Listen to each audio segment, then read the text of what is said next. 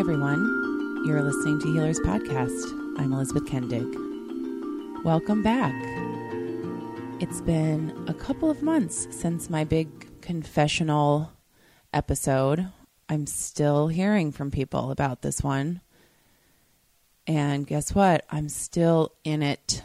I'm in it deep. It seems like a lot has happened and nothing has happened. I'm sure that makes sense to anyone who's sort of been feeling stuck after last year. If you have, I implore you to listen to the most recent episode with Vanessa Files because 2019 is going to be so much different and so much better, especially if you've been doing the work. And the work is different for all of us. It's really getting aligned with yourself and your truth.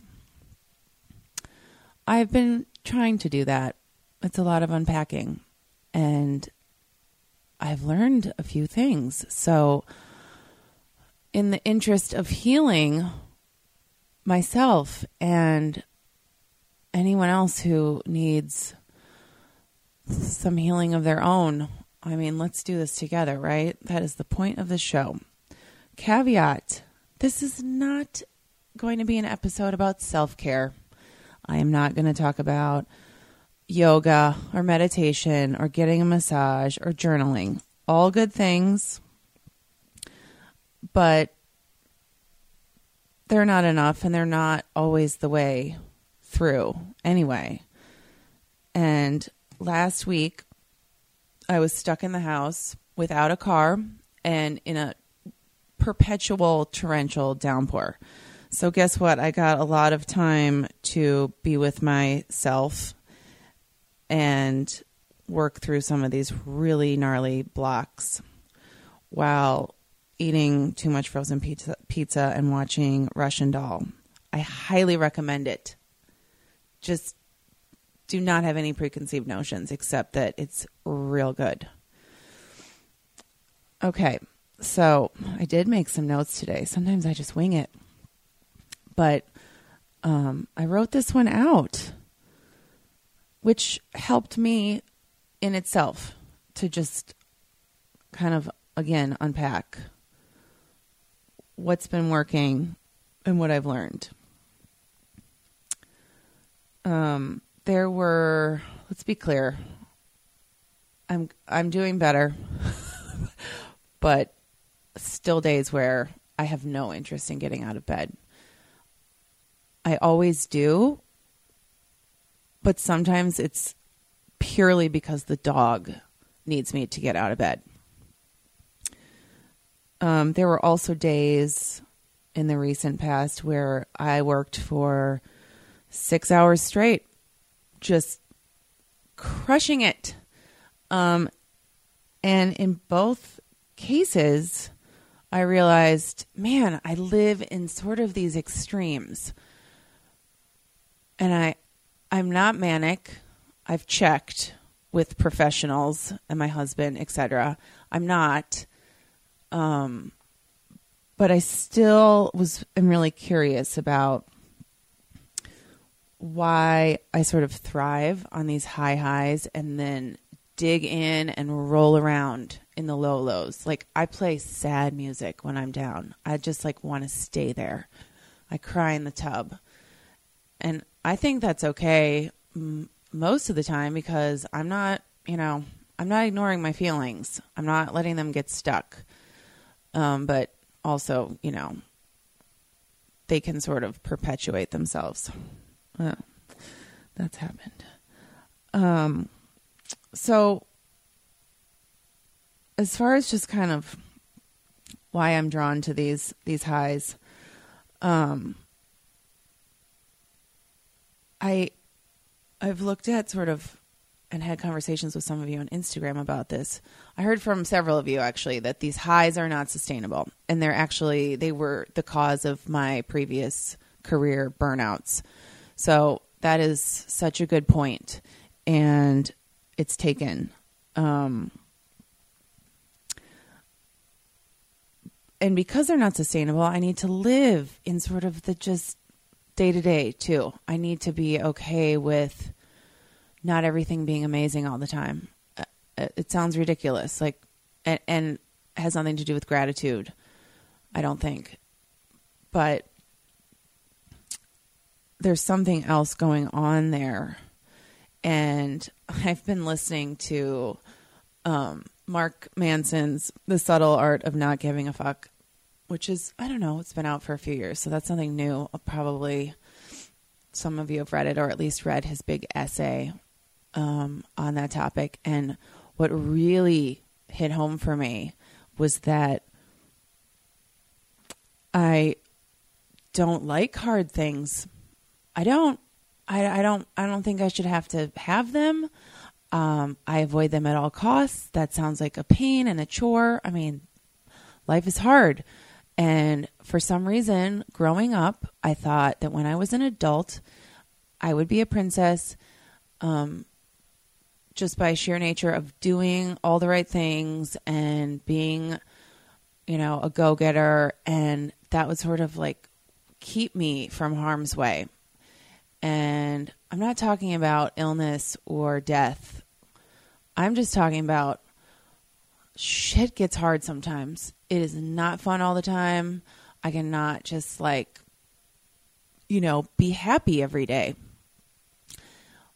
Is this is basic, totally understandable if you're shutting off this podcast right now. But if you are one of those people, and I think a lot of us are because we, if we grew up um, in generations, which I think are the last couple of them, where we were told we could do anything, be anything, have anything, if we just put our mind to it, then there was sort of this like underlining uh, thought that that would also just lead to like pure joy all the time. It does not. Um, so back to this book. I am avoiding the hard stuff. And when I do that, I assume that I assume that it's going to be bad. That's just going to suck and that's th- the end of it. I'm just going to feel pain, but I am uh, also then not getting the positive and the growth and the confidence building elements that come out of going through the tough times, which I'm going through right now. And I keep looking at the downside of that and not the beauty on the other side. I've often said on the show, breakdown to break through, because I believe that. But those breakdowns have usually been a lot shorter for me or very specific and not just sort of like a, a lingering malaise or stuckness and um, so I'm trying to get back to looking at the rougher patches as something just with huge potential to be beneficial to me. And that sort of turns all of this on its head, which brings me to the next aha. My fear of failure around anything that's hard. So if it's hard, I'm probably going to suck at it and I'm going to just like bomb and everything's going to fall apart. It's it's really the number one reason I think that I've been stuck on moving forward with building out a new sort of business and career now that we've moved and I have the space to do that. I mean, it's a beautiful runway and time that I could be using creatively and expansively, but I am literally glued to the floor. And that is a fear of failure, which Vanessa and I also touched on in the last episode. And she sort of took me through a meditation. Not unique. Who likes to fail? Um, I have sort of uh, consciously avoided it as much as possible my whole life. My mother has told me that growing up, I didn't want to do anything that I didn't think I could do well immediately. Where I got that idea, uh, partly from putting a lot of pressure on myself. Um, and again, wanting to avoid that uncomfortableness that comes with something being hard or something not going perfectly. And obviously I've done many things that I wasn't good at right away. Um, but I've also missed out on doing things just simply because they were interesting or new and I could learn from them or grow from them or have a really interesting experience from them. The the curiosity factor just sort of falls by the wayside when you don't allow yourself to do something that you're not good at. Um, I have been driven so much by the outcome and that the outcome is stellar. And that brings me back to being stuck on my career path and putting something new out into the world.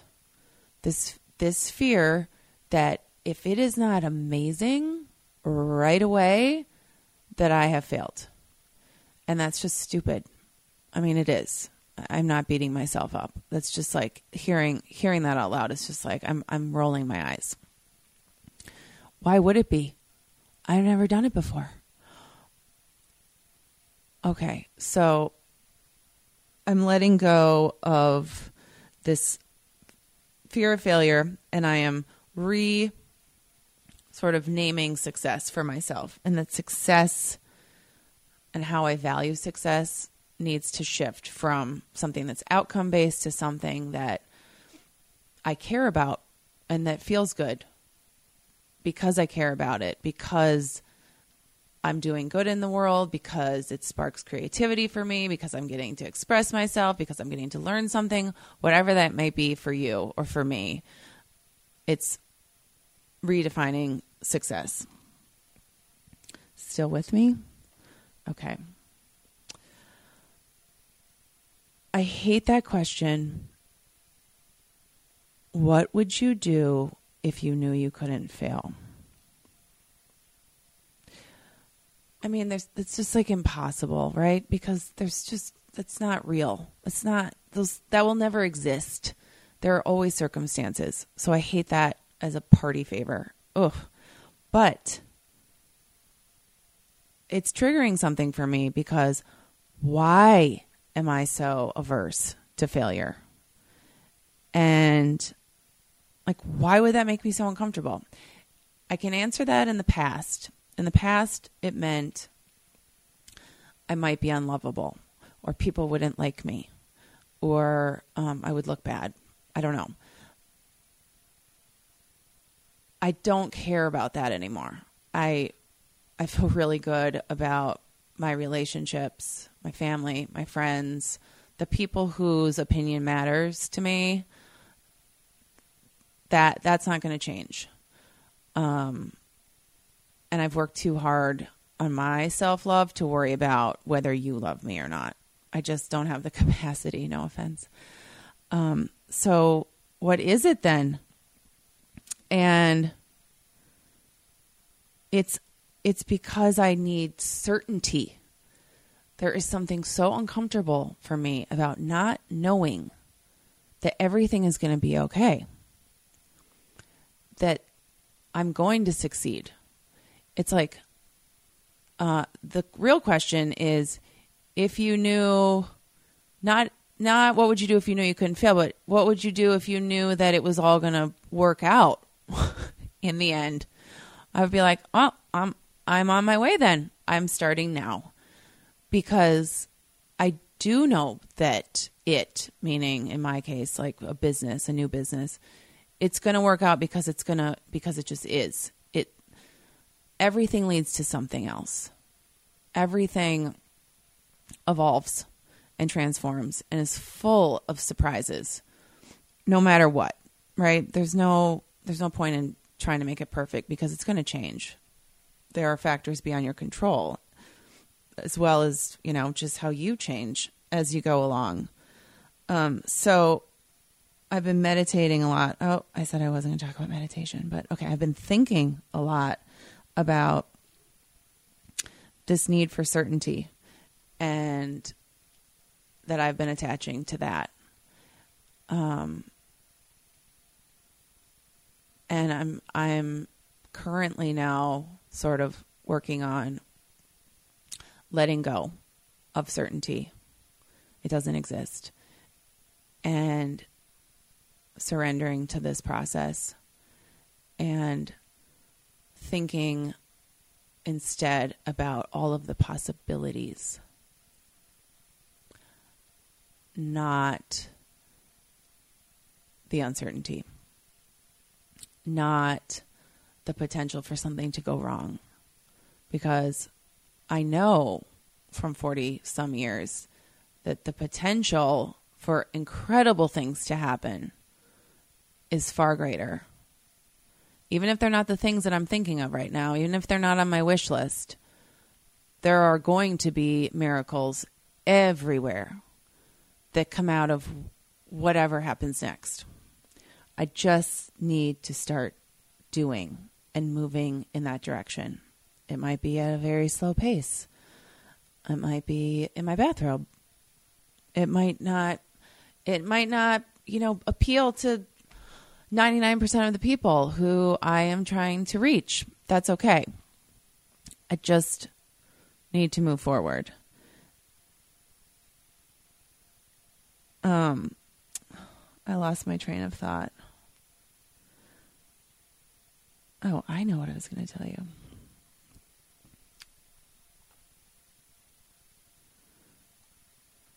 Okay, I still lost my train of thought. Hang on.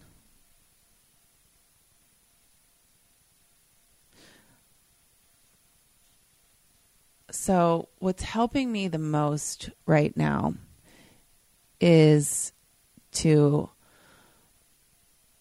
Oh my gosh, I said I wasn't going to journal too, but okay, I've been writing down. This is an old exercise I used to tell everyone, but I have to revisit it. It's writing down at the end of the day all of the small miracles or magic that happened. Because I need to remember in my sort of lack of faith in the universe of late that I'm supported whatever I want that is really good for me, the universe wants that too. It wants me to have it. I need to be clear about it and I need to trust in it and I need to trust in myself.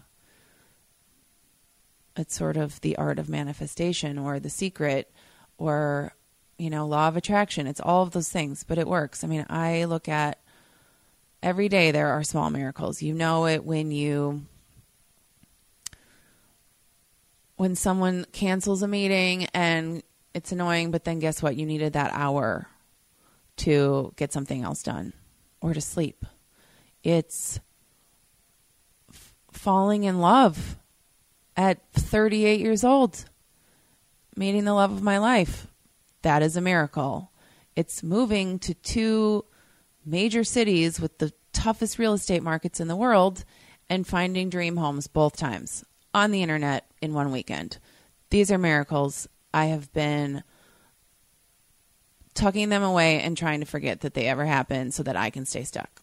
But they did, and they do. So try that if you need some help getting unstuck too. And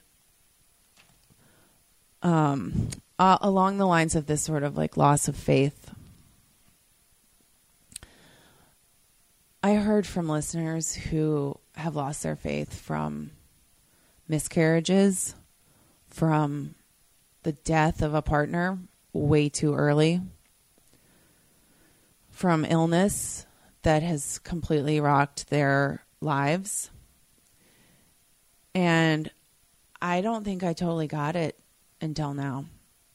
I I understand why you would stop believing in spirit, God, universe, whatever you call the thing that you've always thought was watching over you and had your back. But here's the thing our lesson is to move forward without being able to see. It's to do something, anything, with uncertainty. You don't have to trust yourself today or tomorrow or spirit today or tomorrow, but you do have to keep going. And what lies between here and this this place where you can see again, where you can feel good again, it is strength and it is a belief that you are worthy. I think when we're stuck like this, we're not giving ourselves credit. And that is part of the test, too. Will you fight for yourself? Will you live like you matter? The universe is not going to give up until you do. I know this. And I don't think the pain is going to stop until the, self love returns. So, get busy living or get busy dying.